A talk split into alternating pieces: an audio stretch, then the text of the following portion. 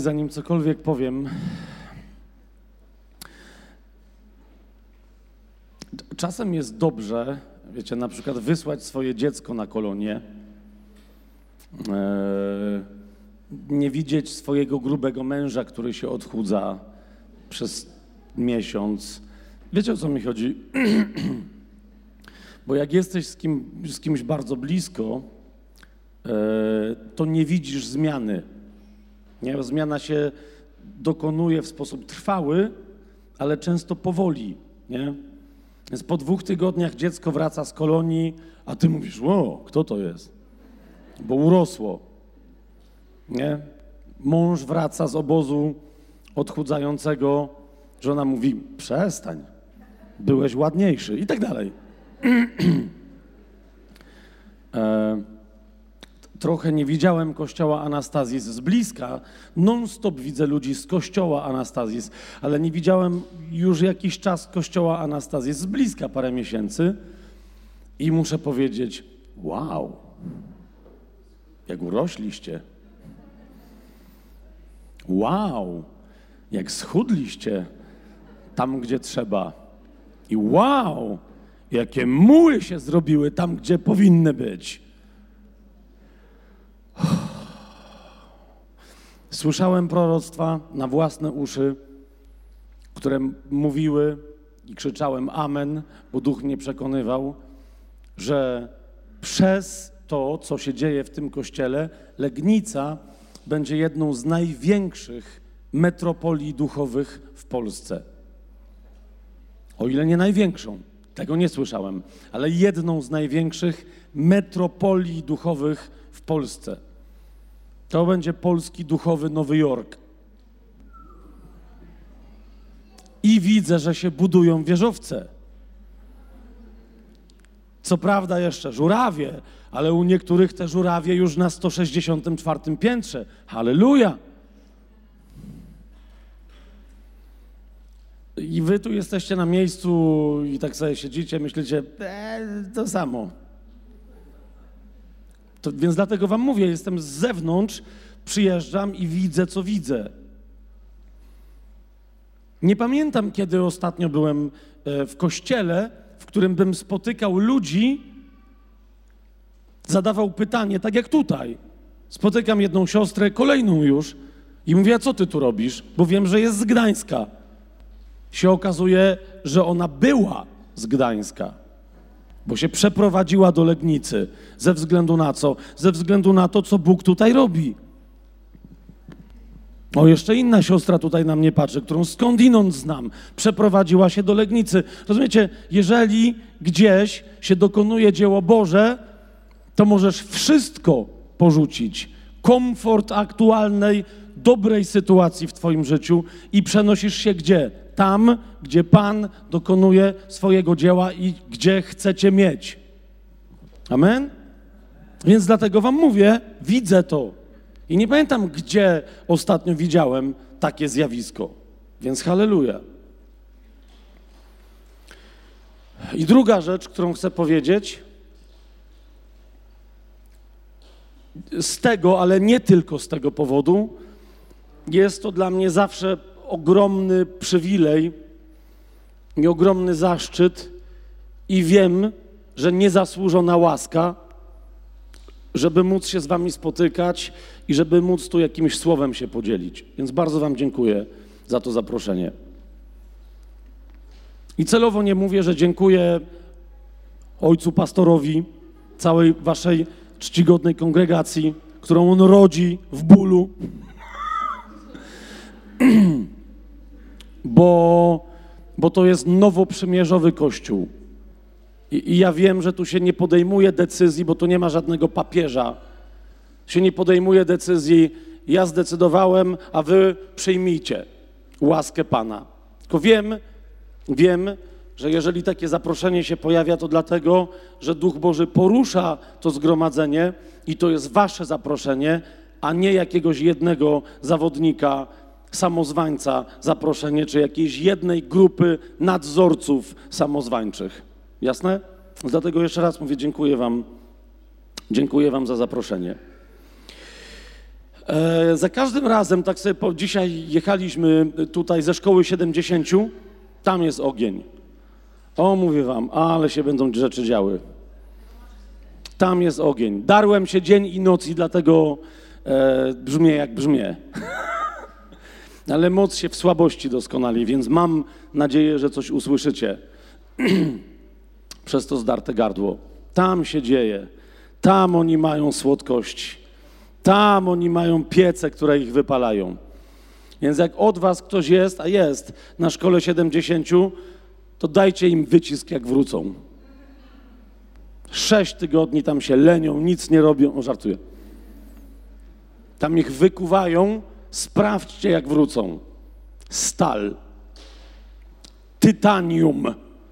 Sprawdźcie ich, od razu ich zaprzęgnijcie do roboty. Od razu. Macie diamenty do szlifowania, to szlifujcie diamentami, co wrócą ze szkoły 70. Od razu. Sekundy wytchnienia im nie dajcie. No po to tam harują. No ale w każdym razie jechaliśmy tu dzisiaj z Lwówka, Śląs z Lwówka Śląskiego i tak, e, taka zabawna myśl mi przyszła do głowy, e, aż się trochę, troszeczkę zacząłem śmiać. E, bo dla mnie takie rzeczy są zabawne. Wiem, że jestem nienormalny, więc nie wiem, czy was to rozśmieszy, ale mnie to bawi, że za każdym razem, tak mi Duch Święty potem powiedział, że tak naprawdę było, to nie jest śmieszne. Za każdym razem, będąc w Legnicy i mając możliwość powiedzenia czegokolwiek, zasadniczo e, głosiłem jakieś takie ciężkie tematy, czyli cudowne tematy. Ale, ale rozumiecie, ale to było za każdym razem, jakbym się wyrwał z jakiegoś ostrego ruchu przebudzeniowego z XVI wieku. Krzyż, śmierć, złożenie całego swojego ciała w ofierze, rezygnacja z wszystkiego. No sam miód. Albo jak mówią w górach, miód z bockiem i z kwaśnym mlekiem. To już, to już wtedy nic lepszego nie może być. I dzisiaj tu jechałem i się śmiałem, bo nie tylko mi Duch Święty pokazał, co do tej pory mówiłem, ale co dzisiaj mam powiedzieć. I się śmiałem, bo mówię, ale będzie kontrast. Wow! Ponieważ dzisiaj dla odmiany chcę mówić o dźwiganiu krzyża.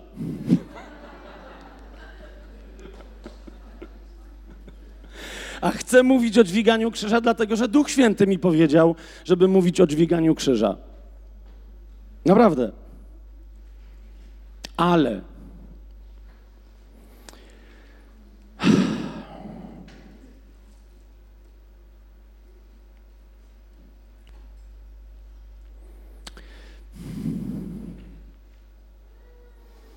Ale naprawdę będzie fajnie.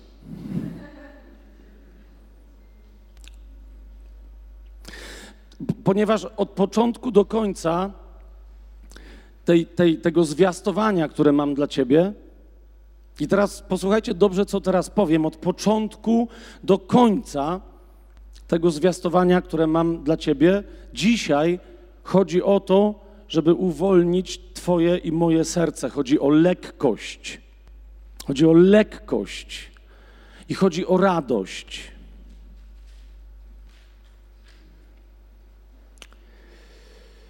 Dni są złe, ponieważ świat żyje w mroku i świat żyje w dniach złych. Księga Kaznodziei w 12 rozdziale, nie, nie, musicie tam otwierać, tylko tak mówię.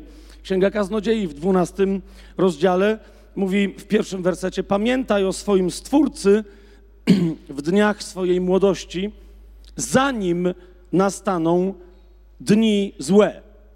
I przyjdą lata, o których powiesz, nie podobają mi się.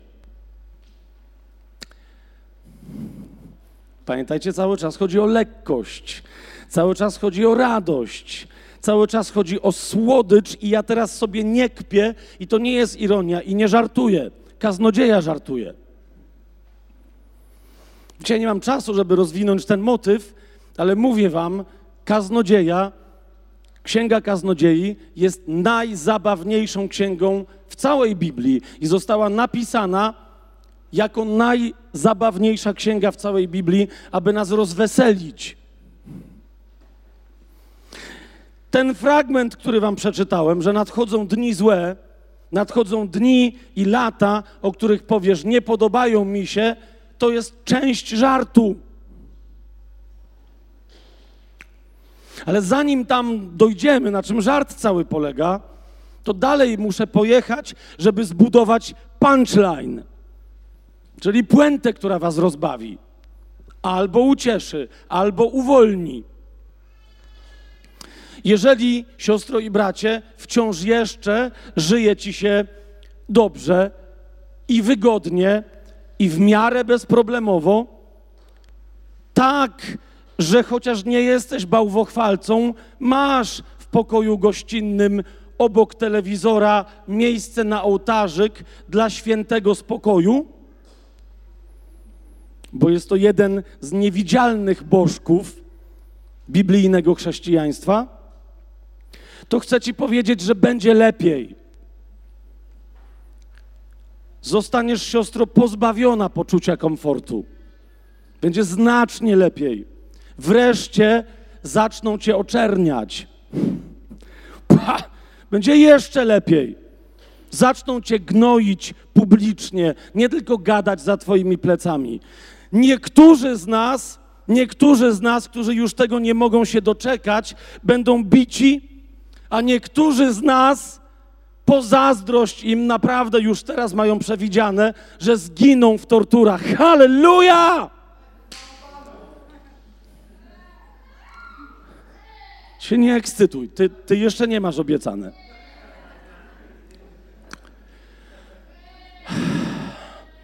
Mam nadzieję, mam nadzieję, że to, co powiedziałem, bo jeszcze raz powtarzam, ja jeszcze nie żartuję, teraz mówię poważnie że budzi to pytanie w Twoim sercu: co chłop gada? O coś mu chodzi, ale o co mu chodzi? Bo w Ewangelii Mateusza czytamy na przykład, bo widzicie, to nie ja powiedziałem to, co powiedziałem. Ja tylko sparafrazowałem na użytek współczesnego języka polskiego XXI wieku. Ja tylko sparafrazowałem obietnicę Pana Jezusa. Bo jeżeli ktoś z Was poszedł myślą ku leciutkiej, takiej wstępnej, wstępnie do wstępu wprowadzającej obietnicy, że przez wiele utrapień i przeciwności trzeba nam przejść, zanim wejdziemy do Królestwa Bożego, to nie, nie o to chodziło. Chodziło o dosłowną obietnicę Pana Jezusa że zagwarantowaną mamy tutaj na ziemi nieprawdopodobną, nieprzeciętną, ekstatyczną radość, którą znajdziemy w najcięższym, najgorszym możliwym do wyobrażeniu z dzisiejszego naszego punktu widzenia utrapieniu, ucisku, torturach i śmierci. Ewangelia Mateusza, piąty rozdział. Najbardziej podstawowy tekst chrześcijański na temat królestwa, nazywany przez niektórych preambułą do konstytucji Królestwa Bożego, czyli do kazania na górze. Pan Jezus powiedział, to jest piąty rozdział. Błogosławieni. Eee. Pan Jezus tak nie powiedział. Y, znaczy powiedział, ale nie powiedział. Chodzi mi o to, że Pan Jezus powiedział to, co powiedział, ale myśmy potem sobie zrobili tłumaczenie, które spowodowało, że myślimy, że Pan Jezus powiedział coś, czego nie powiedział. Pan Jezus nie wygłaszał żadnych błogosławieństw na górze. Ani dwóch, ani siedmiu, ani sześćdziesięciu czterech. Pan Jezus nie wygłaszał żadnych błogosławieństw. Pan Jezus mówił wprost o tym, że Jego królestwo jest tak bardzo nie z tego świata, że w tym świecie wywraca wszystko do góry nogami i że w związku z tym, skoro wszystko jest do góry nogami, to to, co świat ci mówi, że jest drogą do szczęścia, nie jest drogą do szczęścia, ale że my mamy proste sposoby do bycia szczęśliwymi i te sposoby przedstawił.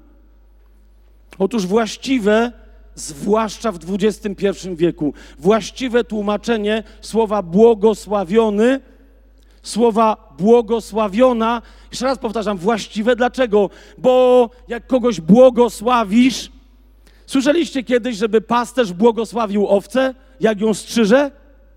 No słyszę, górale są przesądni. Bierze łowcę, żeby jej tam nie zaharatać, żeby nie dostała zakażenia. Mówię w imię Ojca i Syna, ale nie o to mi chodzi. Błogosław... Rozumiesz, słyszałeś kiedyś, żeby ktoś pracował, na, nie, nie, wiem czym, bo ja jestem średnio pracujący rękami, no ale w tym czymś tam, nie, młotkiem i żeby to było błogosławieństwo dla gwoździa. Nie, żeby ten błogosławił przesądnie, żeby się nie walnął w palec, ale rozumiesz, błogosławieństwo to słowo ma charakter czysto religijny. Czysto religijny. I nawet jak przed chwilą modliliśmy się o wszelkie powodzenie, aby to młode małżeństwo było szczęśliwe, to rozumiecie, niektórzy tak stali, no bo ja, ja, nie należę do, krelu, do kleru, to co ja tam będę błogosławił.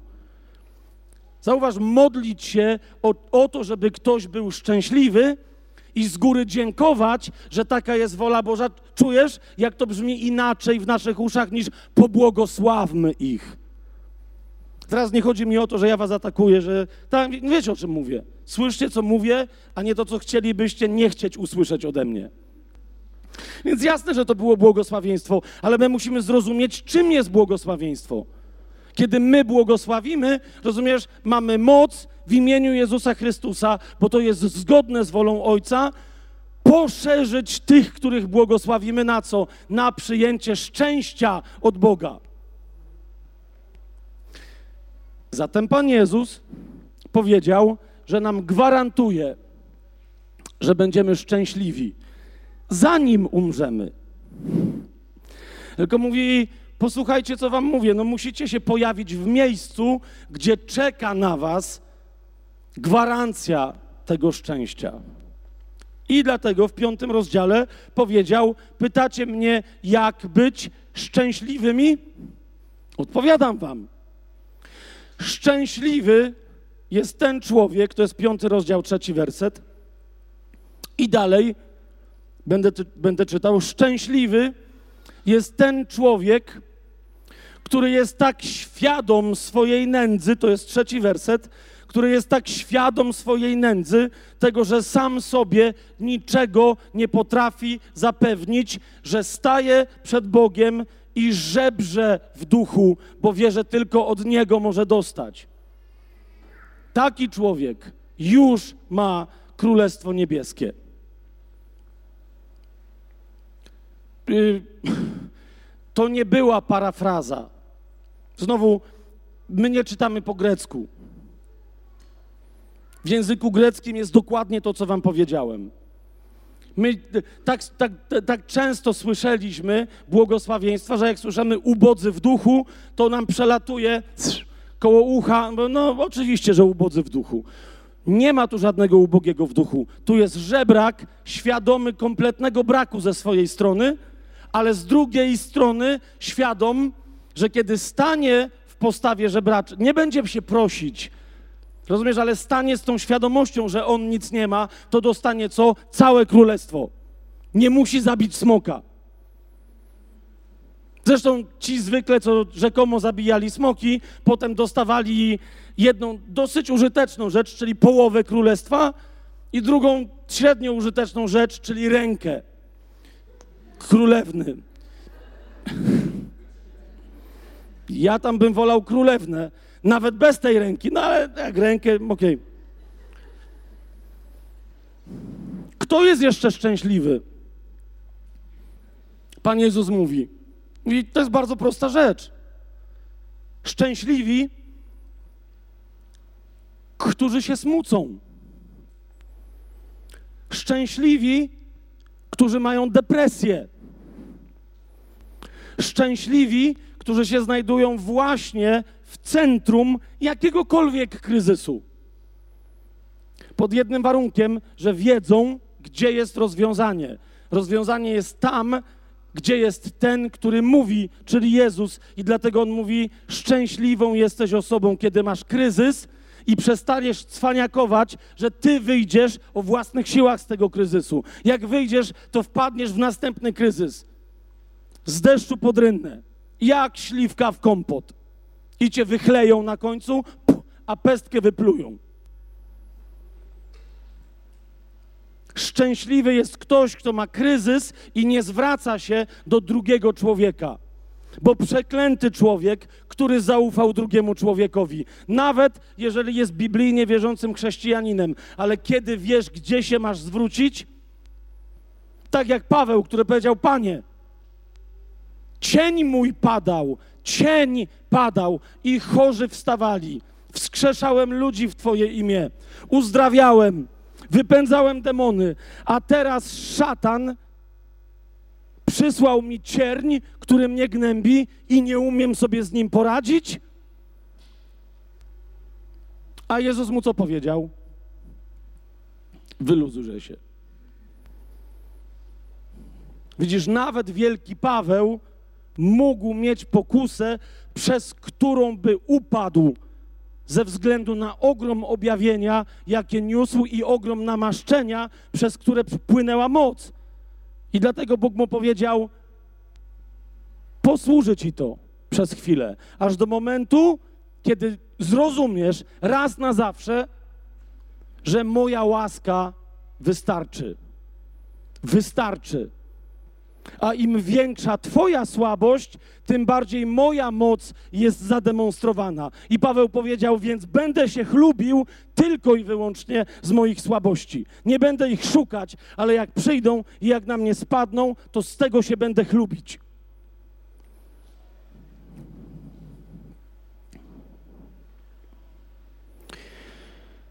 I tak dalej, i tak dalej, i tak dalej. O każdym z błogosławieństw, a więc o każdym przepisie na to, jak być szczęśliwym, moglibyśmy powiedzieć osobne kazanie, ale chcę dojść do tego, od czego zacząłem. Ewangelia Mateusza, piąty rozdział. Dziesiąty werset i dalej. Pan Jezus mówi, ale jest ten szczyt szczytów, do którego wszystkie wcześniejsze sytuacje mają was przygotować, bo się nie umiecie cieszyć bo się nie umiecie radować, bo się nie umiecie spodziewać. Więc do tego, żeby się naprawdę uradować, trzeba się zacząć ćwiczyć.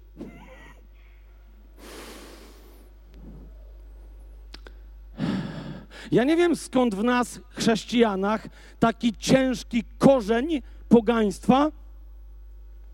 W imieniu Jezusa Chrystusa Duchu Święty, proszę Cię, bo ja tego nie mogę uczynić, ale proszę Cię, żeby przynajmniej w paru, nie, nie przynajmniej, żeby we wszystkich sercach, które tutaj w tym zgromadzeniu i we wszystkich sercach, które słuchają tego nauczania teraz albo w przyszłości od momentu tego nagrania, proszę Cię, Duchu Święty, żeby nie moim słowem i nie moim autorytetem, bo tego nie mogę, ale Twoim autorytetem i Twoją władzą, żeby ten konkretny korzeń niewiary odłam korzenia niewiary, ten korzeń pogaństwa, żeby został wyrwany raz na zawsze. Jaki to jest korzeń? Dzięki Ci, Duchu Święty. Jaki to jest korzeń? To jest korzeń kłamstwa diabelskiego, które mówi Ci, że masz prawo się ucieszyć dopiero, kiedy coś się stanie, co pozwoli Ci się cieszyć. Więc kiedy wierzysz w ten korzeń, mówisz sobie, musi się coś stać. Moje dziecko musi się dostać na studia. Wtedy będę miała prawo się odprężyć i się ucieszyć. Wszyscy w kościele widzą, że przytyłem, a więc jak schudnę ze 20 kilo, wtedy mam prawo się odprężyć i ucieszyć, bo będę mieć powód. Kiedy wreszcie ten konkretny albo inny problem z mojego życia odejdzie, kiedy wreszcie to konkretne osiągnięcie albo inne osiągnięcie uda mi się zrealizować w moim życiu, wtedy mam prawo się cieszyć. To jest diabeł. To jest diabeł. to jest diabeł. I nawet jeżeli nie masz tego korzenia w swoim sercu, to regularnie i ty, i ja jesteśmy atakowani tym kłamstwem. A co mówi Słowo Boże? Że kiedy się realizują wszystkie pragnienia serca człowieka? Kiedy najpierw się ucieszy. Rozraduj się w Panu, mówi Słowo Boże. I to nawet nie jest Nowy Testament. To jest stare przymierze, podstawowa zasada. Mówi: rozraduj się w Panu, a On, dlatego że się cieszysz, spełni wszystkie pragnienia Twojego serca. Gdzie to mamy napisane?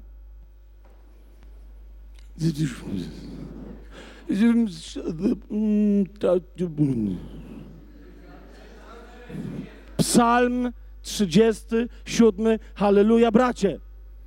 Halleluja, bracie nauczycielu. Oto powstaje uczony w piśmie, który potrafi sięgnąć ze skarbca swojego serca do tego, co dobre w starym i wiedzieć, co najwspanialsze w nowym. Halleluja. Psalm 37. Który werset? Czwarty. Teraz siostra to od razu. A jak 37, to czwarty. Od razu wie, wiem. Jest tak napisane? Rozraduj się, rozkoszuj się co, kto jest podstawą radości Twojego serca? Pan. Pan. Rozumiesz? Nic się nie musi stać w Twoim życiu, żebyś się zaczęła cieszyć. I nic się nie musi stać w Twoim życiu, żebyś się zaczął radować. Rzeczy sensowne i wartościowe zaczną się dziać w Twoim życiu, kiedy się będziesz cieszyć i kiedy się będziesz radować. Inaczej żresz ochłapy. Inaczej jesteś jako ten syn marnotrawny na obczyźnie, który ma ojca, od którego się dowiadujemy: Synu, to wszystko należy do ciebie. Rozumiesz? A ty stoisz przy świniach i zazdrościsz świniom, że żreją to, co żreją, bo nawet tego nie dostajesz. Bo jesz dopiero po świniach.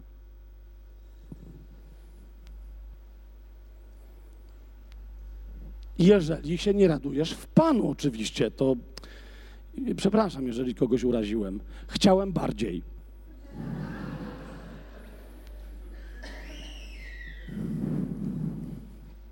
Więc jeszcze raz, jak sobie tę zasadę ustaliliśmy, piąty rozdział Ewangelii Mateusza, dziesiąty werset i dalej. Pan Jezus mówi, właśnie z tego powodu mówi, szczęśliwi jesteście najbardziej, kiedy co? Kiedy cierpicie.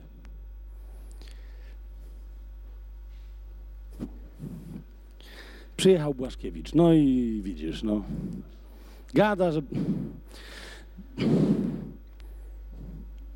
Więc którzy są błogosławieni, którzy są szczęśliwi? Szczęśliwi, którzy cierpią prześladowanie z powodu sprawiedliwości, ponieważ do nich należy Królestwo Niebieskie. Dlaczego są szczęśliwi? Bo mają królestwo. Rozumiesz? A cierpienie prześladowania jest dowodem na to, że mają królestwo. Przychodzi królestwo szatana i atakuje Twoje królestwo. Ty masz szczęście, że masz królestwo. Wiesz, że skoro oni cię atakują, to znaczy, że masz królestwo. Kiedy Twoje szczęście rośnie? Kiedy oni cię atakują, a ty mówisz: Dobrze, żeście przyszli, bo bym musiał do Was jechać. I walisz!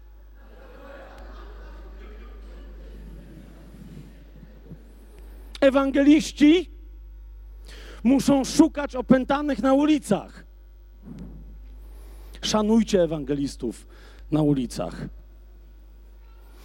Głoszą Ewangelię i przychodzą do nich opętani. Nauczyciele, dobrzy nauczyciele, są w kościele i opętani sami do nich przyłażą do kościoła.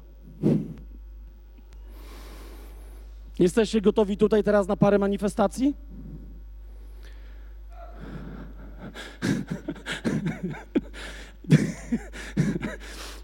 Od razu przekładam na praktykę to, co mówię. Ej.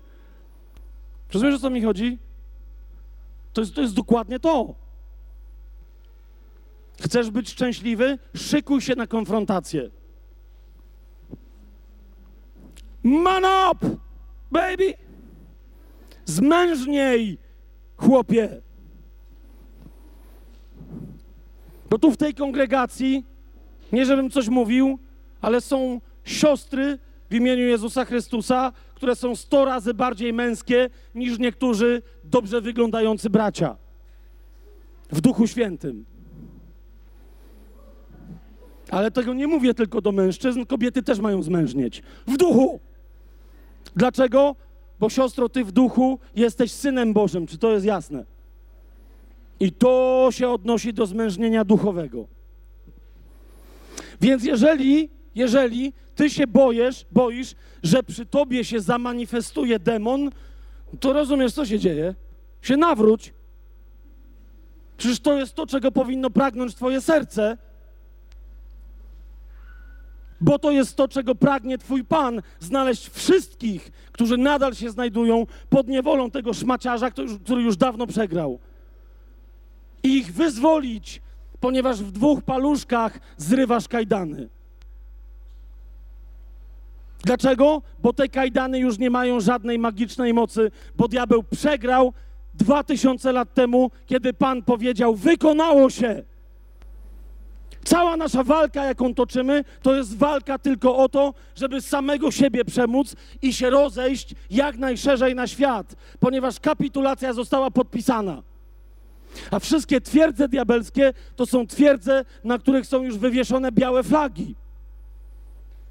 Tylko te leniwe demony pod bronią, absolutnie, siedzą w tych swoich twierdzach, bo jeszcze nikt z nas się nie ruszył, żeby ich rozbroić. Cała nasza walka to jest przełażenie po całym świecie, świecie tylko po to, żeby na podstawie kapitulacji, którą szatan podpisał, żeby się rozejść i rozbroić teraz te jednostki, które wiedzą, że już dawno przegrały.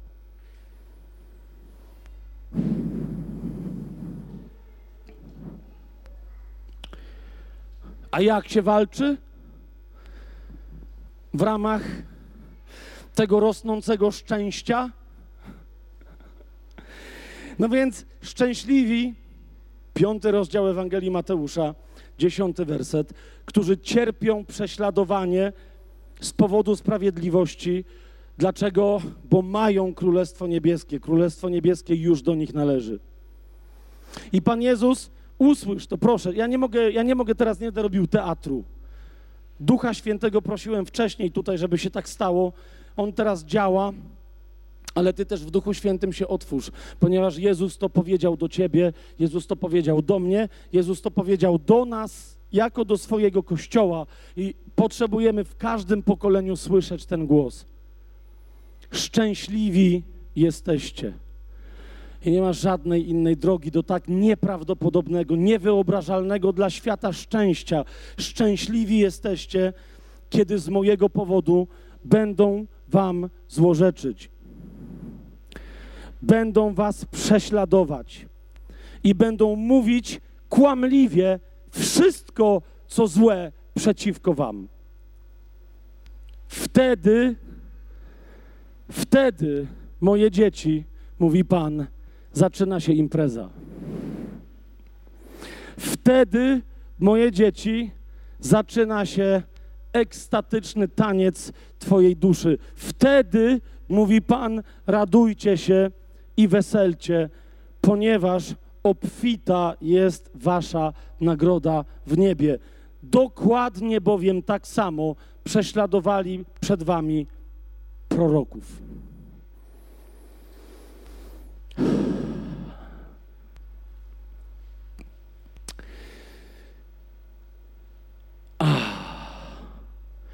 ale nie o tym chciałem dzisiaj mówić.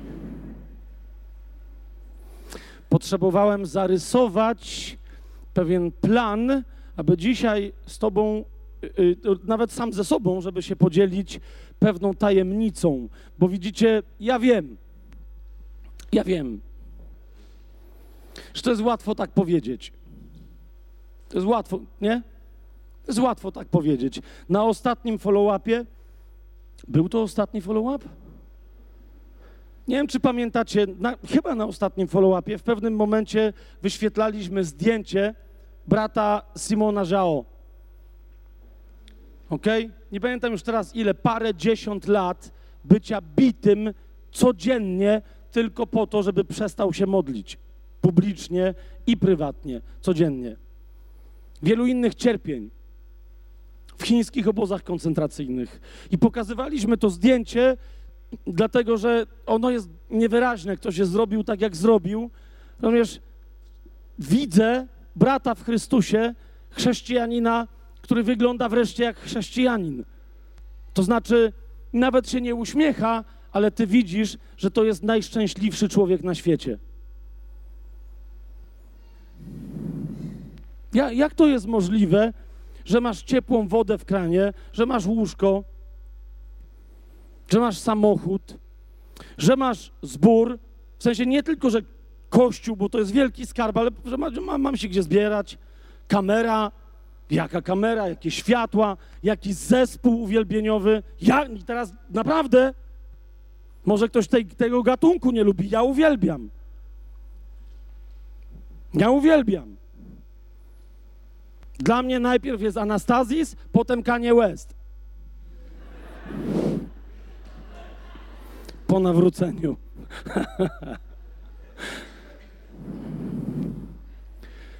to dlaczego w takim razie? A to jeszcze wiecie, znaczy, wiecie, że was kocham, tak? Ale to jest biedny zbór, umówmy się.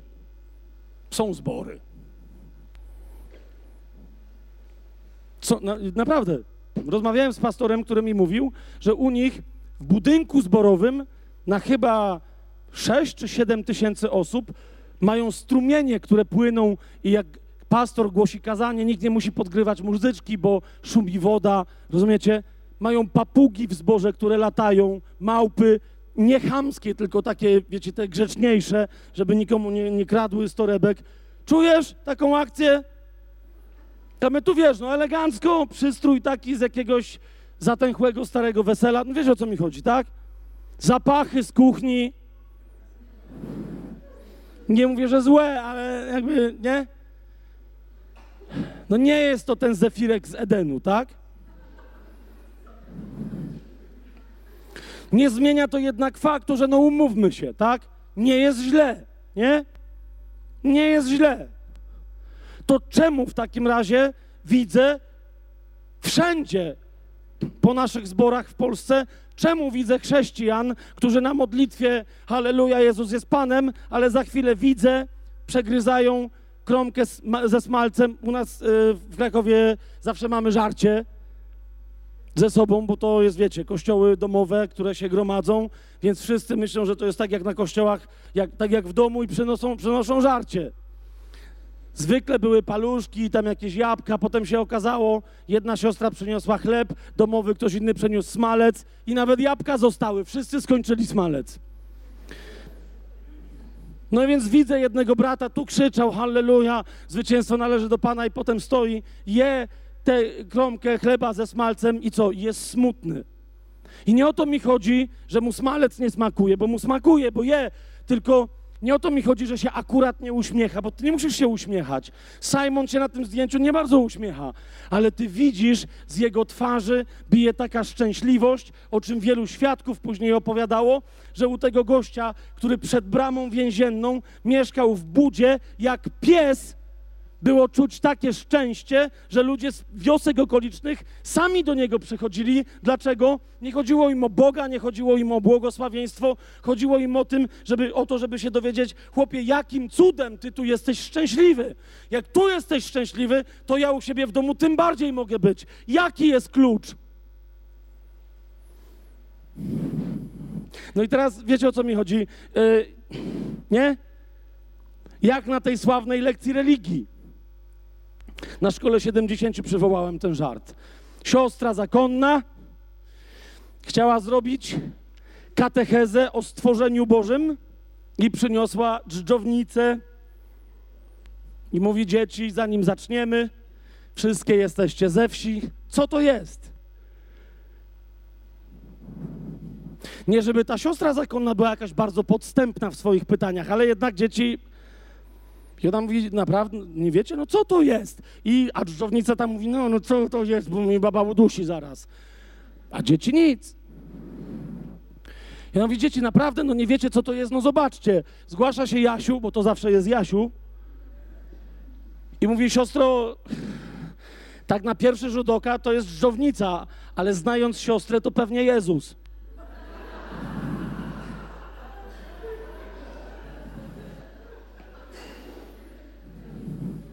Teraz dlaczego to? No bo przychodzili do tego brata Simona, tak?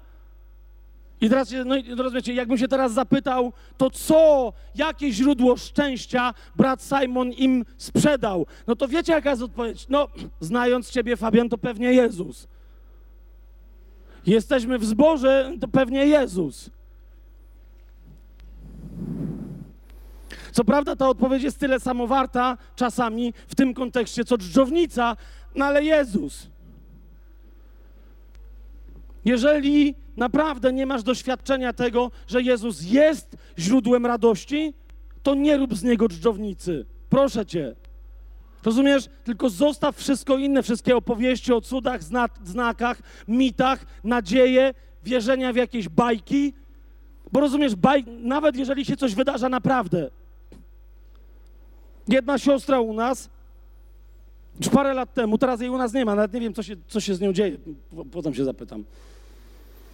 Wyszła na planty, spotkała, bo ją Duch Święty wyprowadził. Spotkała człowieka na wózku bezdomnego, nie miał palca, ale ona tego nie zauważyła. On nie miał palca. Dopiero w trakcie, jak się pomodli, jak, jak zapytała, czy się może za niego pomodlić, to zauważyła, że nie ma palca. Ale ona mówi, Duchu Święty, ja się mam modlić. Nie, Duch Święty, omódl się o niego. Więc zaczęła się modlić, ledwo położyła na niego ręce. Chłop się drze, jakby go oblali wrzątkiem. Aaaa! I ona się przestraszyła, a gość mówi, mam palec. Co mi zrobiłaś? Ty, rozumiecie? Chłop ma palec i się przestraszył i jeszcze ma do niej pretensje. Dosłownie. I mam palec, co mi zrobiłaś? Na plantach u nas y, w Krakowie teraz już rzadziej, ale bywają cyganki i wróżą. Może sobie chłop pomyślał, że to jest cyganka, co, no wiecie o co chodzi, jakiś urok na niego rzuciła, może mu się wydaje, chłop tam bierze, mówi, ty mam palec, co mi zrobiłaś? A ona pod mocą tego daru, który w niej działał, powiedziała do niego, mówi, nie czyj się, że masz palec, tylko wstawaj z tego wózka. I gościu mówi, tak jest. A był sparaliżowany. I, I dalej mówi, co się dzieje? Mówi, co się dzieje? Wstałeś, to chodź. To zaczął chodzić. Mówi, możesz chodzić? Mogę. Ile masz lat? 70. To biegaj. No i pobiegł. I ona siedziała, była sesja, bo to studentka. Ona siedziała, pilnowała mu tego wózka, nie wiadomo po co, i jednej walizki, to był bezdomny, ta wszystko miał, a chłop pobiegł. I ona siedziała, siedziała, no ale się zrobiło ciemno, zimno, trzeba się uczyć do egzaminu, mówi, dobra, no to idę, bo nie wrócił.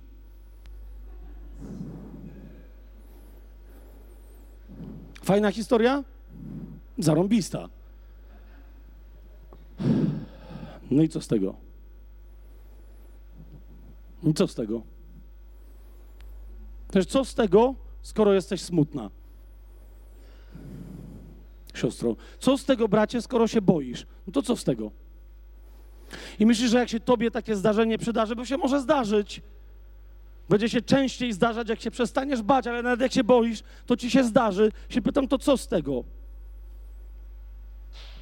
Widziałem ludzi przy mnie, którzy byli uzdrawiani, ale rozumiesz, nie to wywołało moje zdziwienie, ale co wywołało moje zdziwienie? Że cuda nikogo nie nawracają.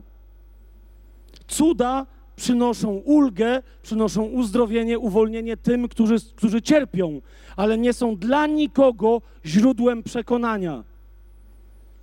Siedziałem obok księdza, który na wielkim, charyzmatycznym, katolickim wydarzeniu, kiedy przyjechał ojciec ksiądz Tardif do Polski, 90 to był który, szósty, siódmy rok, coś takiego. Ponad, grubo ponad 200 tysięcy ludzi na lotnisku w Łodzi. Ołtarz wystawiony, ksiądz Tardif, który był ochrzczony Duchem Świętym, nie wiem czemu nie przestał być księdzem, nie nasza sprawa teraz. Miał taki dar, że modlił się za chorych, ale na nikogo nie nakładał rąk, bo nie miał daru uzdrawiania. Tysiące dziesiątki tysięcy uzdrowień, ale on nie miał daru uzdrawiania. On miał dar słowa poznania. Zmodlił się za chorych, a Pan ich uzdrawiał, ale znakiem, który miał budzić wiarę, było poznanie. 200 tysięcy ludzi podawał konkretne dane, kto w tym momencie, jaka osoba, kobieta, mężczyzna, w jakim wieku, z jaką historią życiową i tak dalej, co w tym momencie czuje w swoim ciele i z czego jest ta osoba uzdrawiana. I teraz w pewnym momencie obok nas, bo ja byłem klerykiem jezuickim, obok nas, zaraz obok nas, jeden ksiądz, który widziałem, że jak wchodził, bo tam była msza, koncelebra, no wiecie te wszystkie historie, i on tak wchodził, że ledwo ciągnął nogę. Grał w piłkę nożną z ministrantami i coś tam sobie zrobił ciężko, nie mógł nią w ogóle ruszać. Więc siedział jeden ksiądz, jeden obok mnie, drugi troszkę dalej i ten, co z tą nogą, w pewnym momencie pada informacja, mężczyzna w wieku takim i takim, ma kontuzjowaną nogę. Teraz ta noga, czujesz gorąc w tej nodze, jakby ci ktoś palił kości, za chwilę będzie uzdrowiona. Jak to przejdzie, klęknij, zobaczysz, że jesteś na trwałe uzdrowiony. I obok nas, rozumiesz, gość klęka. Ksiądz. I ja mówię, wow, obok mnie gościu uzdrowiony. Mówię, halleluja, Panie Jezu. Więcej. I ten wychodzi do mikrofonu, świadectwo, klęka tam przed ludźmi. Rozumiecie? Odlot. Odwracam się do tego drugiego gościa i mówię, ty, nie? A gość mówi, wiesz co, no widzę to. I mówi, jeszcze, go, jeszcze bardziej nie wierzę.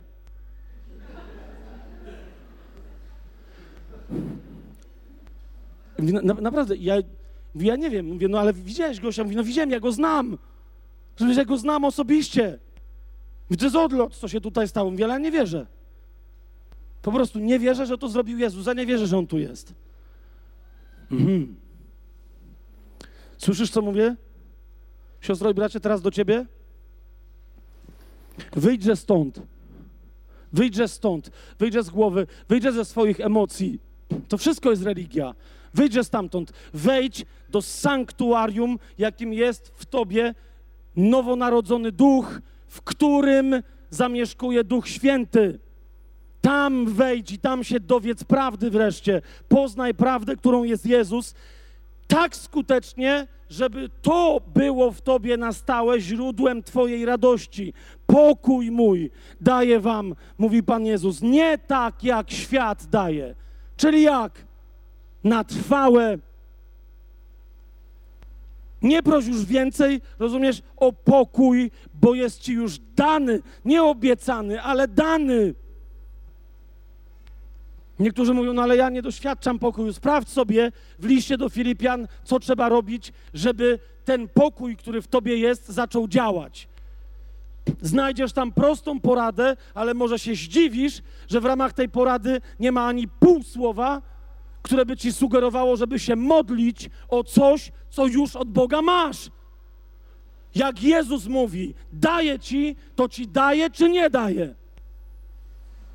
O, niektórzy mówią, no właśnie, nie wiemy. A może daje, a potem odbiera. A ja słyszałem, że dary Boże są nieodwracalne i nieodwołalne. Mówi drugi list do Efezjan, pierwszy rozdział, pierwszy werset. Kto daje i odbiera, ten się w piekle poniewiera. Taki apokryf. I znowu tylko trochę żartuję. Nie rób z Jezusa króla piekła, co daje i odbiera. Nie wyznawaj na modlitwie, jakby to było magiczne zaklęcie, że coś masz, a potem jak nikt nie widzi, nie płacz w poduszkę i nie łkaj i nie mów do Boga daj, bo masz. Tylko zapytaj, czemu to, co masz, nie działa. Rozumiesz? Jeszcze raz powtarzam, to by było za łatwe. Jeżeli brakuje ci pokoju, a jesteś nowonarodzoną osobą, poszukaj w liście do Filipian. I jak zaczniesz szukać od początku, taka wskazóweczka, to dosyć długo trzeba będzie szukać. Jak zaczniesz szukać od początku, to trzeba będzie długo szukać. Hmm? Hmm? Okej. No co poradzę? No głupka słuchacie. Samiście mnie zaprosili. Ja tak gadam. Wierzę, że Duch Święty przez moją nędzę i słabość i prostactwo mojej mowy, że Duch Święty do ciebie przemówi, a nie, że ja cię przekonam. Moim zadanie jest tylko ponieść tego Ducha Świętego, jak oślica niosła Balaama, tylko że Duch Święty nie jest Balaamem, ja go tylko niosę i nie będę musiał mówić za niego. Ale czasem Duch Święty mnie szturchnie i wtedy mówię mm. Słuchaj, co Duch Święty mówi do twojego serca. Czemu nie masz pokoju? Bo go nie masz? Nie doświadczasz tego pokoju, który masz. To jest lekki dramat. Więc znajdź sobie w liście do Filipian rozwiązanie, które nie mówi, żeby się o niego modlić. Wiele innych, innych rzeczy, darów, mocy mamy w sobie i nie musimy o nie błagać, bo je mamy. Są podobne przyczyny, dla których ich nie doświadczamy. Ale jeszcze raz powtórzę, najbardziej fundamentalną przyczyną jest to, że nie mamy zdrowej, uczciwej, właściwej relacji z Jezusem. Jako podstawą w nas, fundamentem, który w nas jest założony, którego nikt nie może usunąć, którego nikt nie może przesunąć, bo Jezus jest górą Syjon, co się nie porusza. Amen? Kto może przesunąć górę Syjon, którą jest Jezus? Kto? Nikt. I nawet ona sama się nie porusza. To jest jedyny nieruchomy poruszyciel, bo jest stworzycielem i mocą słowa swojej potęgi utrzymuje w istnieniu wszechświaty, utrzymuje w istnieniu i z miłości na wieki będzie utrzymywać w istnieniu Ciebie. I wszystko to, co Ci zagwarantował, co dla Ciebie wysłużył na krzyżu i co już Ci dał. Potrzebujesz wrócić nie do czegoś, potrzebujesz nie poznać kolejną technikę, ale przyjść tylko i wyłącznie do Niego.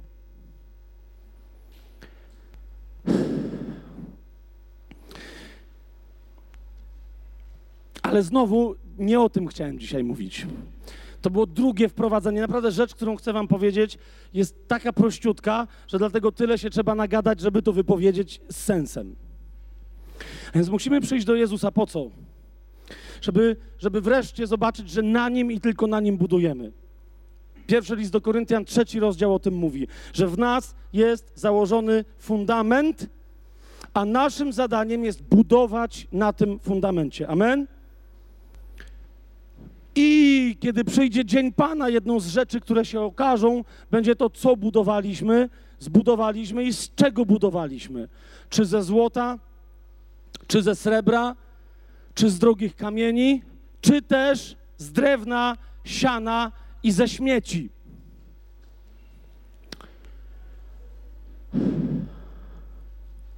buduje się ze złota, ze srebra i z drogich kamieni. To jest znowu osobny cykl kazań cały, ale zasadniczo buduje się ze złota, srebra i z drogich kamieni tylko i wyłącznie na drodze naśladowania Jezusa, która jest drogą patrzenia na Jego plecy, kiedy On idzie za mną, baranek bez skazy, który jest lwem Judy zwycięskim, to jest droga za nim, ze wzrokiem wpatrzonym w jego plecy. To jest droga, kiedy patrzę, idąc za nim, wpatrzony w jego plecy i dźwigam krzyż. Jesteś smutną osobą, jeżeli jesteś smutną osobą. Jesteś w depresji, jeżeli jesteś w depresji nie wiesz, co robić, jeżeli jesteś chrześcijaninem, który właśnie nie wie, co ma robić, tylko i wyłącznie dlatego, że chcesz iść za Jezusem, nie niosąc krzyża.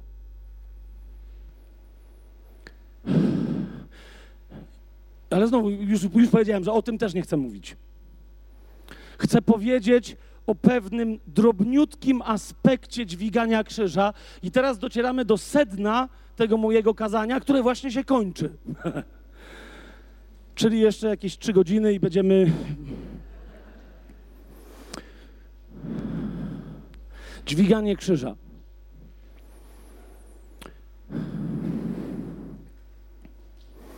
Jest pewien aspekt tego, czym jest krzyż, w związku z tym, czym jest dźwiganie krzyża, który dla wielu z nas w naszych umysłach nieodmienionych jest tak odległy od krzyża, że nawet jak ktoś czasem o tym aspekcie powie, w związku z krzyżem to nie słuchamy, dlatego znowu polegam tylko i wyłącznie na Duchu Świętym, że On ci teraz powie. Że On ci teraz powie.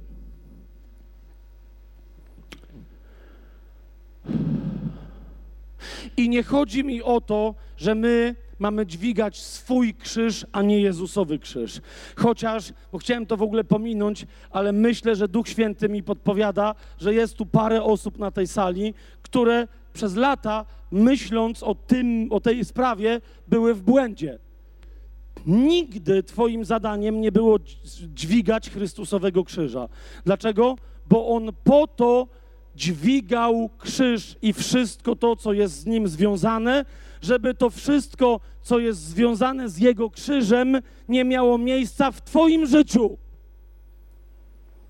Bo On poniósł na krzyżu i na krzyż co? Grzech. Po to, żeby grzech więcej nie królował w Twoim życiu i w Twoim ciele. Amen? On poniósł na ten krzyż i na tym krzyżu, co poniósł? Wszystkie nasze choroby, wszystkie nasze słabości i wszystkie nasze cierpienia. Czy więc ty masz to dźwigać jako swój krzyż? No nie, bo on po to poniósł swój krzyż, żeby na twoim krzyżu tego nie było. Bój się Boga, żeby chociaż raz usprawiedliwiać czyjeś cierpienie, choćby ideą krzyża. Bój się Boga. Żeby komuś zadać pytanie czysto teoretyczne, czy aby czasem jego choroba nie jest częścią jego krzyża. Jego ranami zostaliśmy uzdrowieni, Jego krwią zostaliśmy uzdrowieni, w Jego sińcach jest nasze zdrowie, więc nie mów bzdur, że ktoś musi jeszcze się dosiniaczyć, bo Jezusowi czegoś zabrakło. Owszem, krzyż, Twój krzyż i mój krzyż jest nieodzownie związany z cierpieniem. Dlaczego? Bo Pan chce, żebyśmy byli pełni radości. I teraz rozumiecie, co się dzieje? Zaś wróciłem do tego, od czego zacząłem, i teraz jest, ale jak? No albo radość, albo krzyż. Mógłbyś się wreszcie zdecydować. Właśnie na tym cały problem polega. Na tym cały problem polega, że mamy kościół, w którym jak powiesz, czy wiecie, że krzyż Pana Jezusa, pusty krzyż Jezusa, który zmartwychwstał, czy wiecie, że jest nowym, ostatecznym i nieodzownym do życia, drzewem życia, masa ludzi wstanie i powie halleluja! To wtedy powiesz, no to weź swój krzyż i się jaraj, ponieważ twój krzyż jest talerzem, na którym się je owoce z drzewa życia, którym jest krzyż Chrystusa. I wtedy nagle jest, a, a nie da się zjeść bez tego talerza? Ja bym tak chętnie podszedł tak pod sam krzyż i tam se tak żar jak taka owieczka. Koza raczej. Nie! Bo w królestwie się jest talerzy. Nie. Bo w królestwie panuje etykieta dworska. Nie. Bo Pan Jezus powiedział, że jak wróci i wprowadzi swoje królestwo, to będziemy z nim co? Zasiadać przy jednym stole. Będziemy? To się musisz nauczyć zachowywać przy stole króla. Dostajesz malutki talerzyk, swój widelczyk w kształcie krzyżyka małego, nóż w kształcie gwoździa małego i jesz. I się karmisz. Przelatuje anioł z drzewa krzyża, przynosi ci twój posiłek. Bam! Soczysty stek, polany uczciwym, nieświńskim smalcem.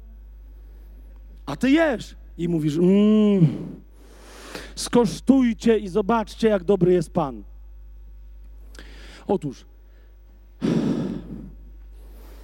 krzyż to jest to. Mam nadzieję, że Duch Święty że mu nie przeszkodziłem za bardzo i że wykonał już swoją robotę. Krzyż, Twój krzyż, który masz do dźwigania za Jezusem, nie jest tym samym krzyżem, ale ma ten sam charakter. Charakter krzyża, kochani, zaryzykuję teraz stwierdzenie, jest wiele innych stwierdzeń, wiele innych słów. Jeszcze raz pamiętajcie, ja mówię tylko o jednym aspekcie krzyża, ale o którym się mało głosi i bez którego krzyż nie ma smaku. O jednym, jednym aspekcie, ale bardzo ważnym aspekcie. Otóż, kochani, krzyż równa się, teraz uważajcie, krzyż równa się i teraz przyłóżcie do tego, co chcecie, przyłóżcie do tego wszystko. Jest tam, nie? Jest takie, no dawaj, dawaj, da.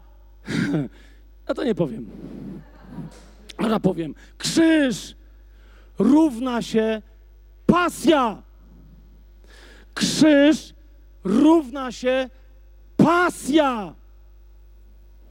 Krzyż Chrystusa równa się najbardziej nie do wyobrażenia, ekstremalna, namiętna miłość, która się wyraziła pasją do ostatniej kropli krwi. Jezus nie jest masochistą. Jezus nie jest kulturystą. Jezus nie jest lekkoatletą i nie bije rekordów, żeby się popisać przed Ojcem. Po co wziął krzyż na siebie? Po co poszedł na górę Kalwarii? Po co tam cierpiał? Po co umierał? Bo Ciebie kocha! Nie ma żadnego innego wyjaśnienia. Żadnego. Pasja namiętna. Jak szedł na Kalwarię z tym krzyżem na sobie, to szedł kochając się z Tobą. Jeszcze jako śmierdzącym, obrzydliwym grzesznikiem. I ze mną, jako nie tylko śmierdzącym i obrzydliwym, ale jeszcze dodatkowo cuchnącym, nieśmierdzącym i obrzyganym obrzydlistwem.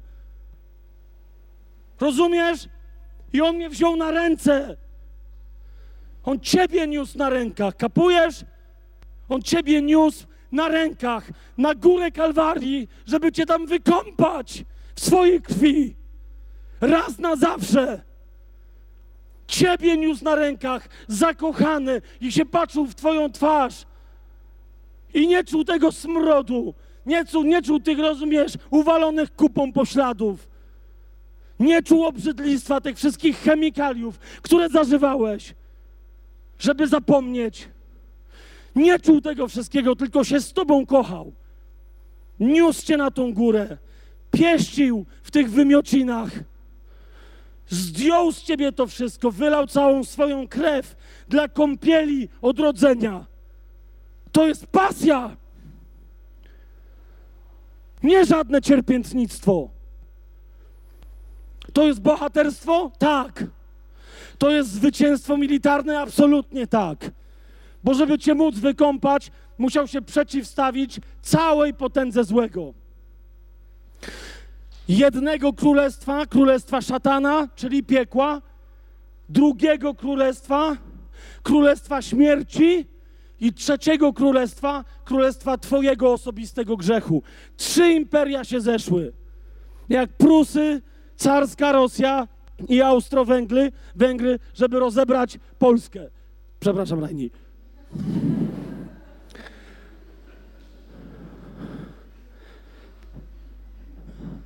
Przyszli i zezarli, co mieli zezreć. Przyszli jeszcze potężniejsi na baranka, który dał się zabić i się zdziwili. Rozumiesz? I się zdziwili. Bo w momencie, kiedy uznali, wylał ostatnią kroplę krwi, teraz go możemy rozgryźć i strawić, to ich rozerwał od środka.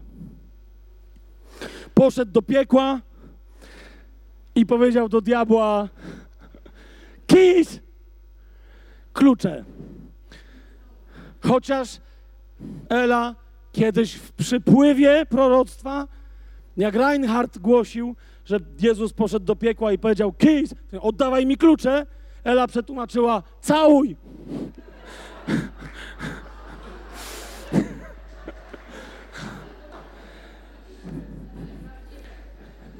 Uzupełniła brakujący element mojej teologii zejścia Chrystusa do piekieł. Dziękuję. Dokładnie to jest to. Całuj i jeszcze za to masz w ryj. Diable.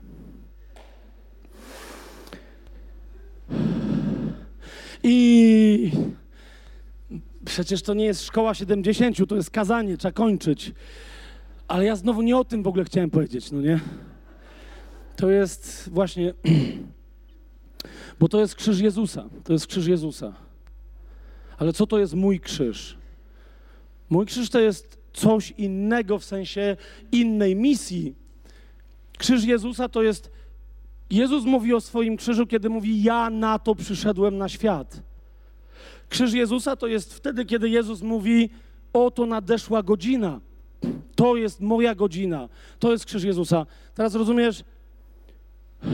Ty masz jakiś inny krzyż, ale jak go rozpoznasz? Jak rozpoznasz, czy go niesiesz, czy go nie niesiesz? Otóż Twój krzyż ma tę samą naturę, ten sam charakter, co krzyż Jezusa. I wyraża się pasją. Rozumiesz? Wyraża się pasją, wyraża się miłością. Wyraża się miłością do tego stopnia, że tak jak Jezus, dla tego, co On Ci pokazał, żeby umiłować, jesteś gotowa umrzeć. Jesteś gotowy umrzeć. Oczywiście powiecie, no ale umieramy tylko dla Jezusa, ale oczywiście, że tak. Nie może być żadnego innego, rozumiesz, celu naszej modlitwy, tylko On. Ale On Tobie objawi się w konkretnym dziele, w konkretnych osobach, w konkretnym świadectwie, w którym powiecie, wszędzie, powie Ci, wszędzie możesz mnie kochać synu. Wszędzie, wszędzie możesz mnie uwielbiać, córko, ale tu chcę, tu przygotowałem dla ciebie miejsce tylko dla ciebie i dla mnie. Tu chcę się z tobą kochać. Tu chcę się z Tobą kochać, tu chcę Ciebie obdarzyć najwspanialszą moją miłością, bo tylko tu Ty możesz mnie obdarzyć miłością, jak nikt inny na świecie. Twoje osobiste powołanie jest Twoim krzyżem. Życie życiem, jakie Pan dla Ciebie zaplanował, to jest Twój krzyż, który masz wziąć na siebie. Ludzie mnie czasem pytają, to czemu to musi być krzyż? Ponieważ kiedy kochasz, to będziesz cierpieć. Ale w odróżnieniu od cierpienia, które powoduje właściwe cierpienie, czyli cierpienia, które nie ma sensu, tutaj nawet nie zauważysz cierpienia, a jak zauważysz, to ono tylko jeszcze bardziej cię rozraduje, bo będziesz wiedzieć, że jesteś na właściwym miejscu, na właściwej drodze, skierowany we właściwym kierunku. Czy to jest jasne, co mówię? Czy to jest jasne, co mówię? Wszędzie możesz kochać, ale zawsze będziesz się dziwić, czemu cię to nie wypełnia, dopóki nie staniesz na ścieżce swojego powołania i ścieżce swojego przeznaczenia. To jest meta. Metą jest Jezus. Ku niemu ma być skierowana cała nasza miłość. Ku niemu ma być skierowane całe nasze pragnienie poznania. Tylko widzisz, dla każdej i dla każdego z nas Jezus jako meta stoi gdzie indziej. To nie są wyścigi kolarskie, że wszyscy jadą w jednym peletonie. To nie są biegi dookoła stadionu, że wszyscy biegną w jednej grupie i ktoś tam się czasem wyrwie. Nie! Przecież to jest powód, dla którego ty się nie możesz porównywać do kogokolwiek innego. Dlaczego? Bo jak ty jesteś na ścieżce swojego powołania, to lecisz w tamtą stronę i po drodze spotykasz brata albo siostrę, która biegnie w dokładnie przeciwnym kierunku. Niech cię Bóg broni, żeby ją zatrzymać jej tłumaczyć, że jest heretyczką, bo nie biegnie tam, gdzie ty. Uspokój się. Się zapytaj, czy ona biegnie do mety, bo jak biegnie do mety, to mów go, go, go i potem leć w swoją stronę. Bo to są biegi na przełaj, i jeszcze każdy z nas ma gdzie indziej wyznaczoną metę. A meta jest realna. Siostro i bracie, meta jest realna. Jest wiele dowodów na to w Biblii, że meta jest prawdziwa. I uwaga, jeszcze jedna rzecz. Metą nie jest Twoja śmierć. Śmierć może Cię zastać w pół drogi. Jak sobie odpoczywasz, albo się pomylisz i biegniesz gdzie indziej. Śmierć może Cię zastać w ogóle, wiesz, trzy metry pff, po linii startu. I uważaj, z drugiej strony możesz dobiec do mety i jeszcze nie umrzeć. E, okej, okay, widzę, że wreszcie, tak? Otwórzcie sobie drugi list do Tymoteusza. To są słowa, które spowodowały, że się zakochałem w Pawle Apostole. Nie to wszystko, co on napisał, nie jego mądrość, nie jego namaszczenie, naprawdę nawet nie cała historia jego życia, to wszystko jest chwalebne. Ale zawsze, jak te wszystkie rzeczy wiedziałem, to się dziwiłem, czemu Paweł nie mówi innym, naśladujcie Jezusa, ale że ma tę bezczelność w sobie, żeby mówić, naśladujcie mnie. I jak przeczytałem ten fragment, dopiero zrozumiałem. Rozumiesz? Mamy naśladować Jezusa, ale obok nas naprawdę są ludzie, którzy wiedzą, jak biec. My nie mamy biegnąć za nimi, ale my mamy się przyjrzeć, jak oni biegną i biec tak, jak oni biegną w swoim kierunku. Dlaczego? Ponieważ Paweł jest przykładem człowieka, który dobiegł do mety, zanim umarł. Halleluja. Czwarty rozdział drugiego listu do Tymoteusza.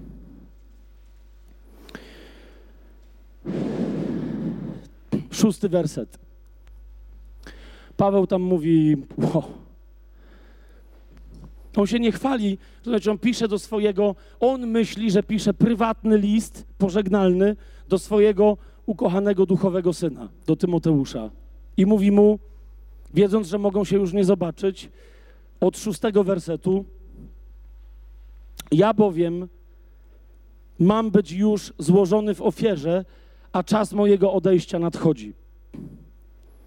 Nie on jeden, u Piotra w drugim liście znajdziecie dokładnie takie samo wyznanie. On mówi: Piszę wam pewne rzeczy, ponieważ Pan mi objawił, że czas mojego odejścia jest bardzo krótki, już niedługo.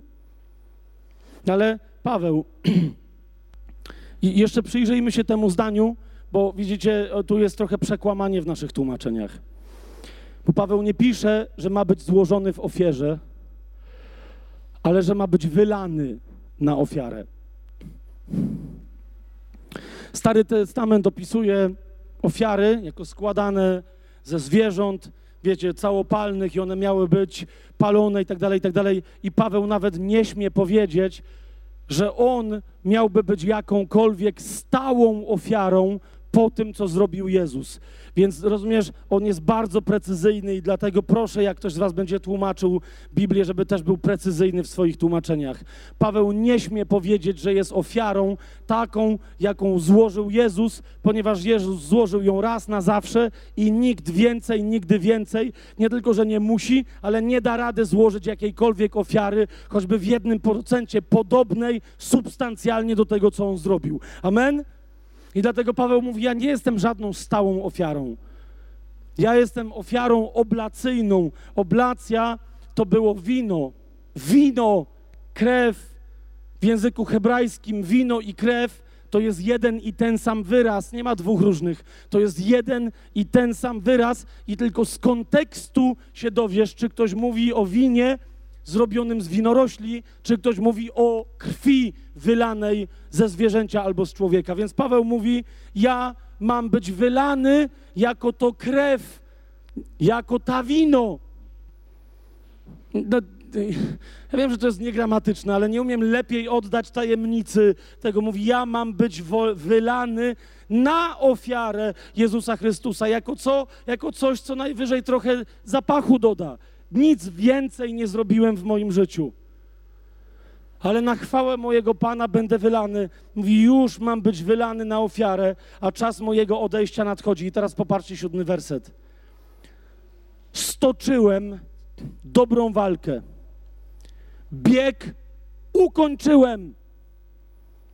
Ten, który w liście do Filipian mówi: Ja nie mówię, że już to osiągnąłem, ale biegnę wpatrzony w metę. Tutaj co mówi? Mówię, że skończyłem. Mówię, że dobiegłem do mety.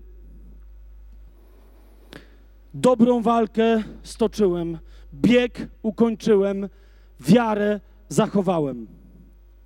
Odtąd, skąd my wiemy, że Paweł nie żartuje, ale mówi prawdę, ponieważ jeżeli kończy się bieg na mecie, to co czeka na mecie tego, kto dobiegnie zgodnie z zasadami?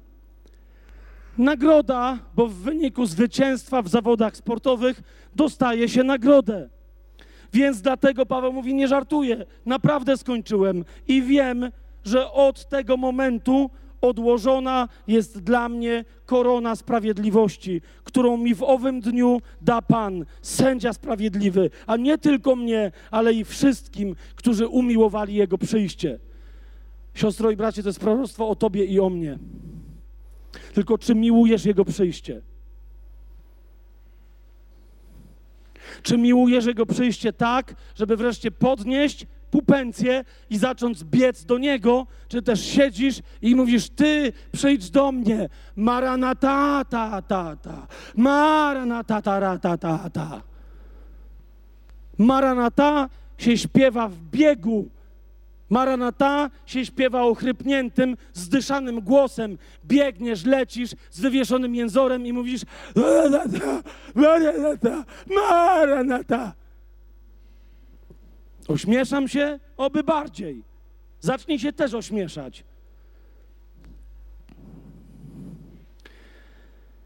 I jeszcze raz muszę powiedzieć, masz metę. I jeszcze raz muszę powiedzieć, że ale nie to chcę powiedzieć. Cały czas próbuję to powiedzieć i duch mi podpowiada, jeszcze musisz to wyjaśnić, jeszcze to, jeszcze to, jeszcze to, ale może teraz.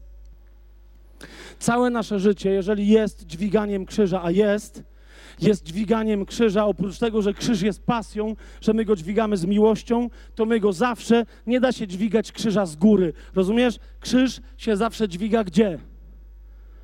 Pod górę. Jezus nie niósł krzyż, rozumiesz? Jezus krzyż niósł gdzie? Na Golgotę, na czaszkę, na jej szczyt.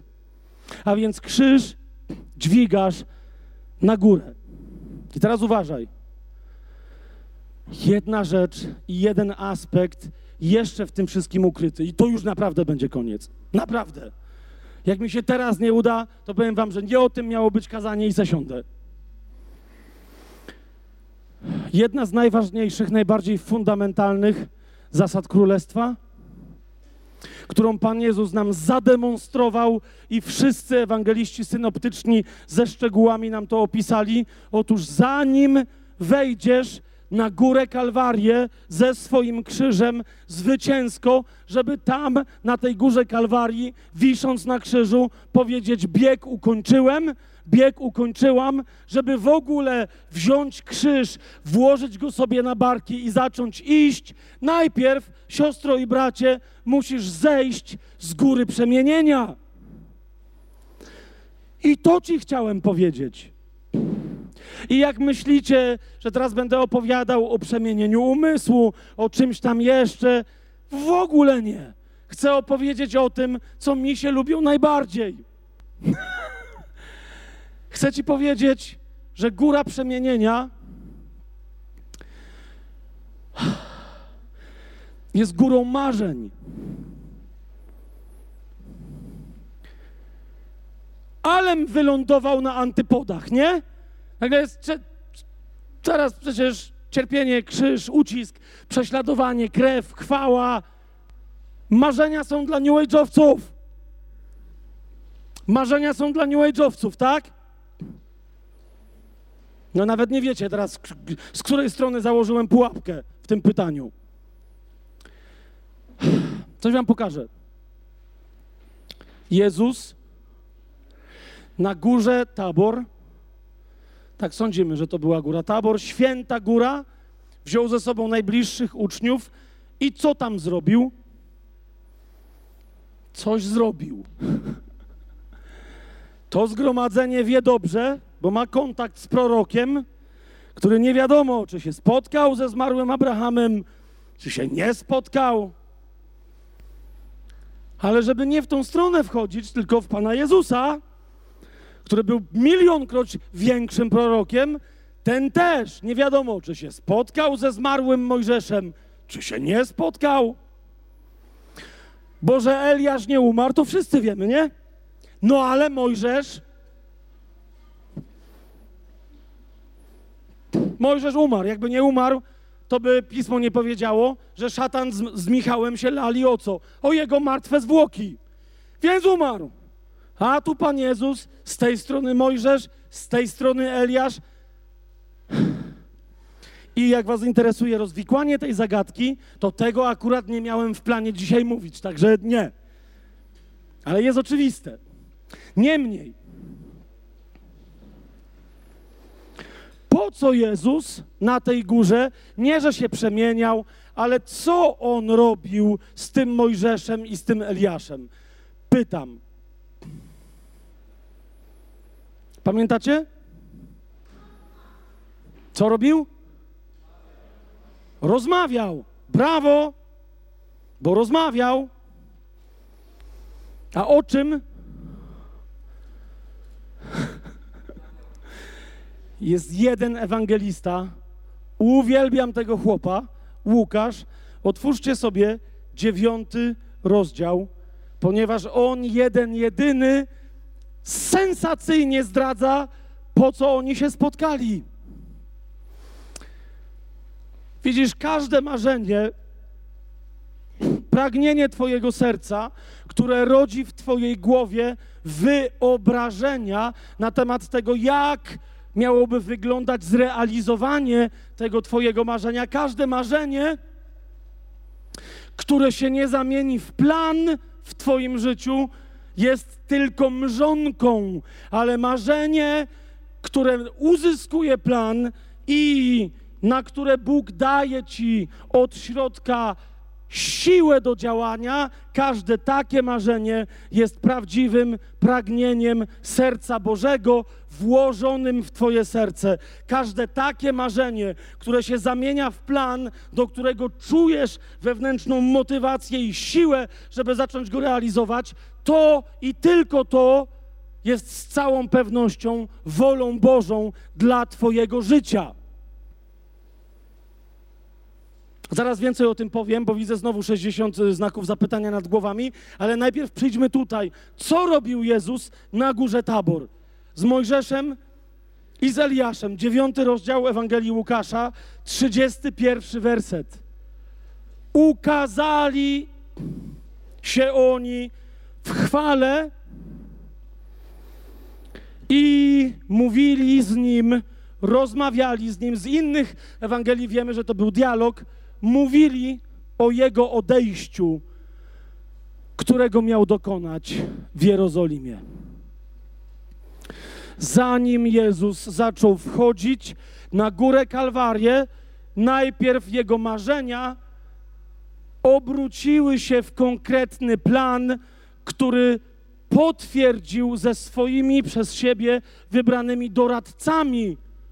I kiedy go potwierdził, na znak dla nas, po to tam był Piotr, Jan i Jakub. Wtedy zszedł, żeby móc zacząć wychodzić. Najpierw był na górze przemienienia, a potem dopiero poszedł, żeby wziąć swój krzyż. I dlatego, siostro i bracie, to jest dokładnie to, czego w życiu potrzebujesz, i być może to jest ten brakujący ci składnik do tego, żeby wreszcie zacząć się cieszyć swoim życiem, żeby się wreszcie zacząć radować dźwiganiem krzyża i żeby wreszcie ostatecznie w najgorszym nawet prześladowaniu być najszczęśliwszą osobą na świecie. W liście do Hebrajczyków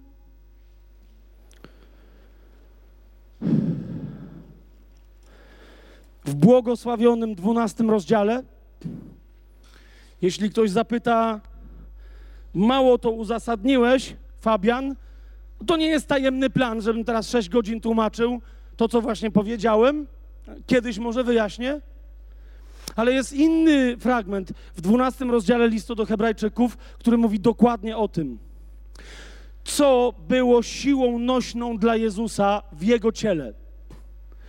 Kiedy doświadczał wszelkiego rodzaju prześladowania i kiedy z miłości do ciebie i do mnie poszedł na krzyż, przecierpiał najgorszą, niewyobrażalną dla nas, bo nieporówna, nieporównywalną z niczym innym mękę. Co było jego siłą nośną? Marzenie. Marzenie. Ponieważ pragnienie serca Bożego rodzi się w człowieku jako marzenie, odkrywasz, że to marzenie staje się Twoim pragnieniem zgodnym z wolą Bożą, kiedy marzenie w Tobie trwa i się ukonkretnia w Twoich wyobrażeniach, w konkretnych krokach, jakie podejmujesz w swoim życiu. To, co było siłą nośną Jezusa, było marzenie obrócone w konkretne pragnienie, obrócone w konkretny plan, zamienione w konkretną realizację. Dwunasty rozdział listu do Hebrajczyków mówi, że mamy patrzeć na Jezusa, kiedy chcemy dźwigać krzyż, kiedy chcemy wypełnić dzieło naszej wiary według miary wiary, jaką otrzymaliśmy. Mamy patrzeć na Niego, ponieważ tylko On i Jego błogosławiony obraz, który ma być odbity we mnie, tylko On jest twórcą mojej wiary i tylko On dokończy, wydoskonaliwszy moją wiarę. A patrząc na Jezusa, na co mam patrzeć? Uważaj, na Jezusa, który zwyciężył na krzyżu, bo miał marzenie. Dwunasty rozdział, drugi werset listu do Hebrajczyków mówi tak. Patrzcie na Jezusa. Tam jest patrząc, ale nie chcę teraz przywoływać pierwszego wersetu. Więc mówi: Patrzcie na Jezusa, twórcę i dokończyciela wiary, który z powodu przygotowanej mu radości wycierpiał krzyż, nie zważając na hańbę i zasiadł po prawicy tronu Boga. Z jakiego powodu, zadaję Ci pytanie, siostro i bracie, z jakiego powodu Jezus wycierpiał krzyż, niewyobrażalne cierpienie, całą nieprawdopodobną hańbę? Z jakiego powodu?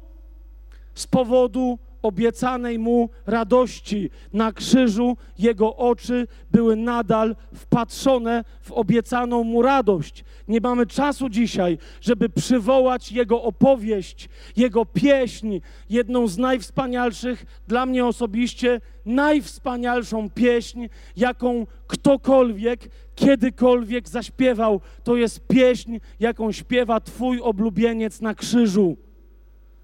I nie chodzi mi o to,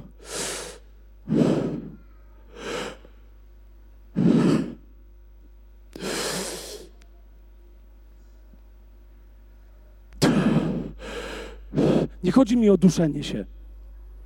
Chodzi mi o Psalm 22. Jedyne, co Jezus z tego psalmu był w stanie wyśpiewać na krzyżu, to pierwszy wers Eli, Eli, lema sawachtani ale dlatego podyktował to, co będzie śpiewał na krzyżu Dawidowi. Podyktował słowo po słowie swojemu prorokowi, żeby wszyscy wiedzieli, kiedy on wisiał na krzyżu i żebyśmy my wiedzieli, jaką pieśń zaśpiewał na krzyżu. Początek tej pieśni jest pieśnią wiszącego na drzewie krzyża robaka. Ja jestem robak, a nie człowiek. Rozgnieciony, rozgnieciony jak plama krwi. Pośmiewisko ludzi i wzgarda pospólstwa. Dalej śpiewa o tym, co się dzieje dookoła niego. Mówi: Zobaczcie, otoczyły mnie byki baszanu, przybili mnie do krzyża, przebili moje ręce, przebili moje nogi. Nie mogę oddychać, chce mi się pić i nie mogę nawet tego powiedzieć, bo język przylgnął mi do podniebienia. Zobaczcie, co się dzieje obok. Dzielą moje szaty, rzucają losy o moją tunikę.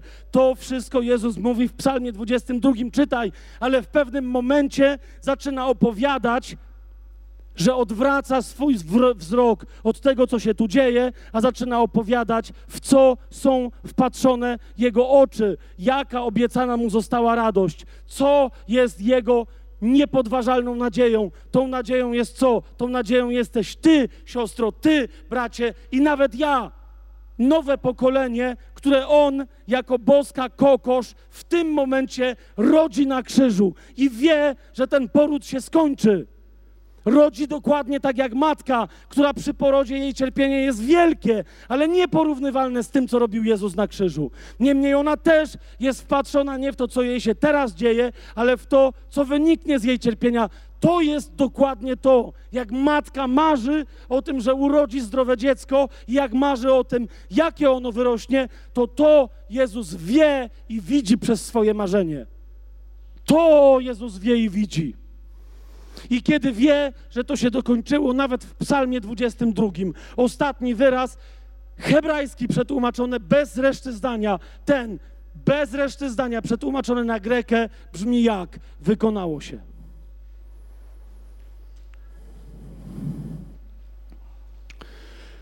A zatem, siostro i bracie, to jest moje pytanie. Dzisiaj na koniec, jakie są Twoje marzenia?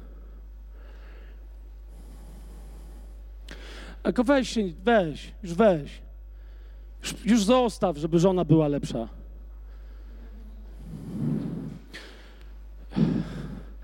Teraz mówię do dwóch konkretnych braci, teraz do twojego umysłu. Bracie, ja nie żartuję teraz. Bo ty byś wolał, że może by nawet była gorsza, tylko żeby się chciała kochać. Weź, że się uspokój już.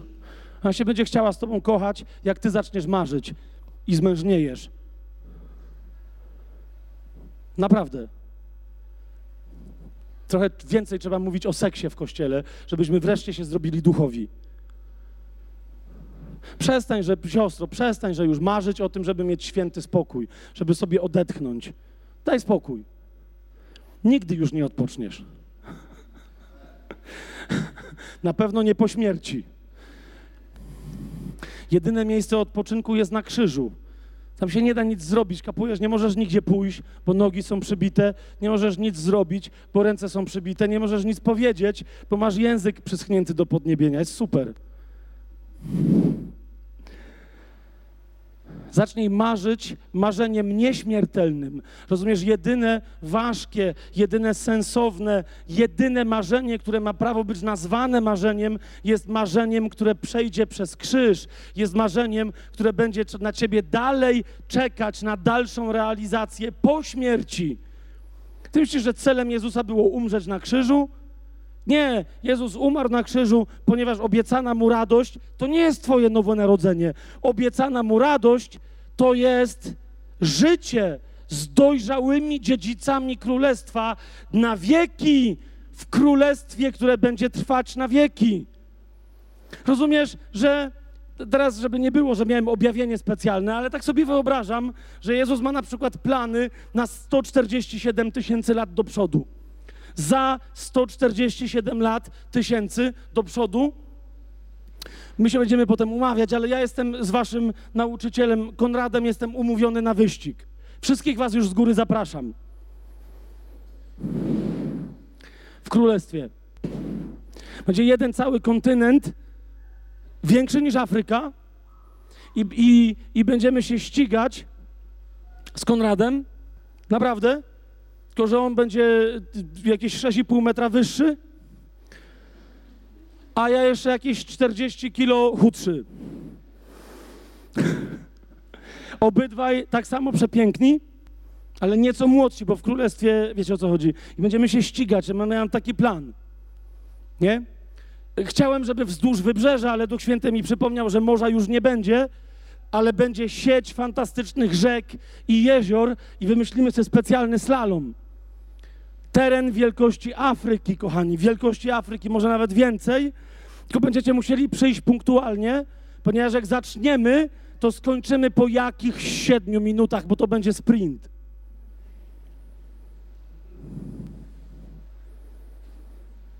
Że głupoty wymyślam? Czytaj w Słowie Bożym, jakie tam masz fantastyczne obietnice. To że ja sobie mogę coś takiego zaplanować na za 174 tysiące lat, czyli za tych parę lat do powrotu Pana Jezusa, za tysiąc lat, kiedy tysiącletnie królestwo się skończy, jeszcze 173 tysiące. I wtedy z Konradem się ścigamy. Deal? Jest. I już umówieni. Chłop wie. Zacznij planować swoją przyszłość która jest wiecznością. Jak nie masz planów na wieczność, to nie masz w ogóle planów. Się martwisz, co jutro zjeść.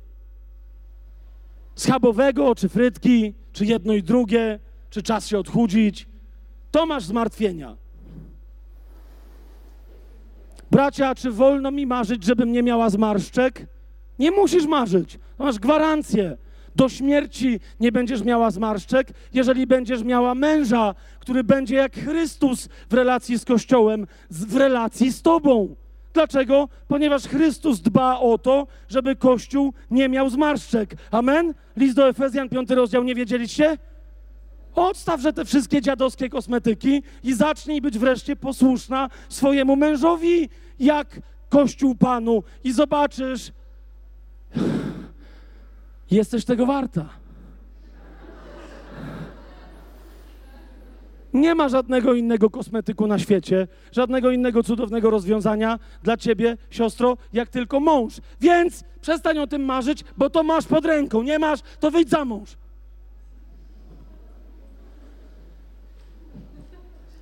Masz o tym, co przejdzie przez krzyż, masz o tym, co przejdzie z drugiej strony i wyjdzie w zmartwychwstaniu. Twoje marzenia mają być wieczne.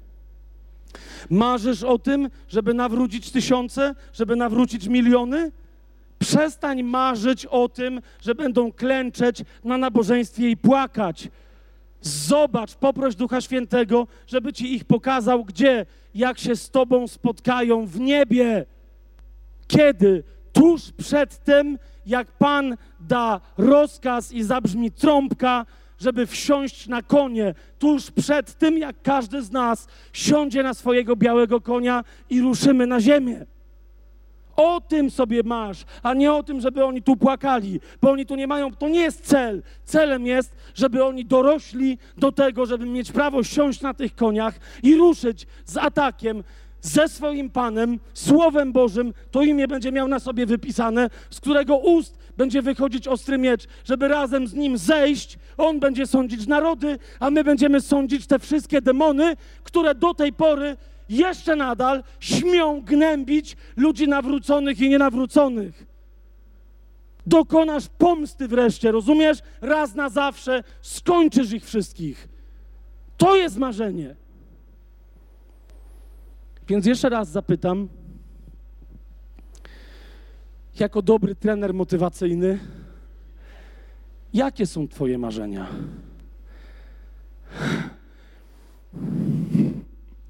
Ostatni cytat teraz będzie, uwaga. I słowo daje, że to będzie ostatni cytat. Naprawdę, to już jest, to będzie ostatni cytat. Naprawdę, jak mi się następny przyjdzie do głowy, niech mi ktoś wyłączy mikrofon. To będzie ostatni cytat. Jak odróżnić zachcianki od. Kiedy marzysz, patrz, które z Twoich marzeń jest odpowiednio wielkie, żeby obudzić w Tobie odpowiednio intensywną miłość. Tylko to. I przestań się wreszcie pytać Boga, gdzie jest moja meta. Twoja meta jest zawsze tuż przed Tobą, tuż przed Tobą, ponieważ Jezus jest tuż przed Tobą, zawsze tuż przed Tobą. I on, rozumiesz, niektórzy przychodzą jak do wróżki, mówią, Fabian, jesteś bardzo sławny z tego, że wiesz, jakie jest powołanie ludzi. Pewnie, że wiem. Twoje też znam, człowieku, dawaj rękę.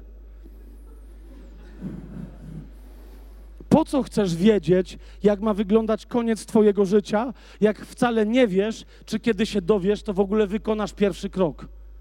Więc dowiedz się, jak ma wyglądać Twój pierwszy krok. Ponieważ Twoja meta dosłownie jest zawsze tuż przed Tobą. Wiesz skąd Paweł wiedział, że skończył bieg?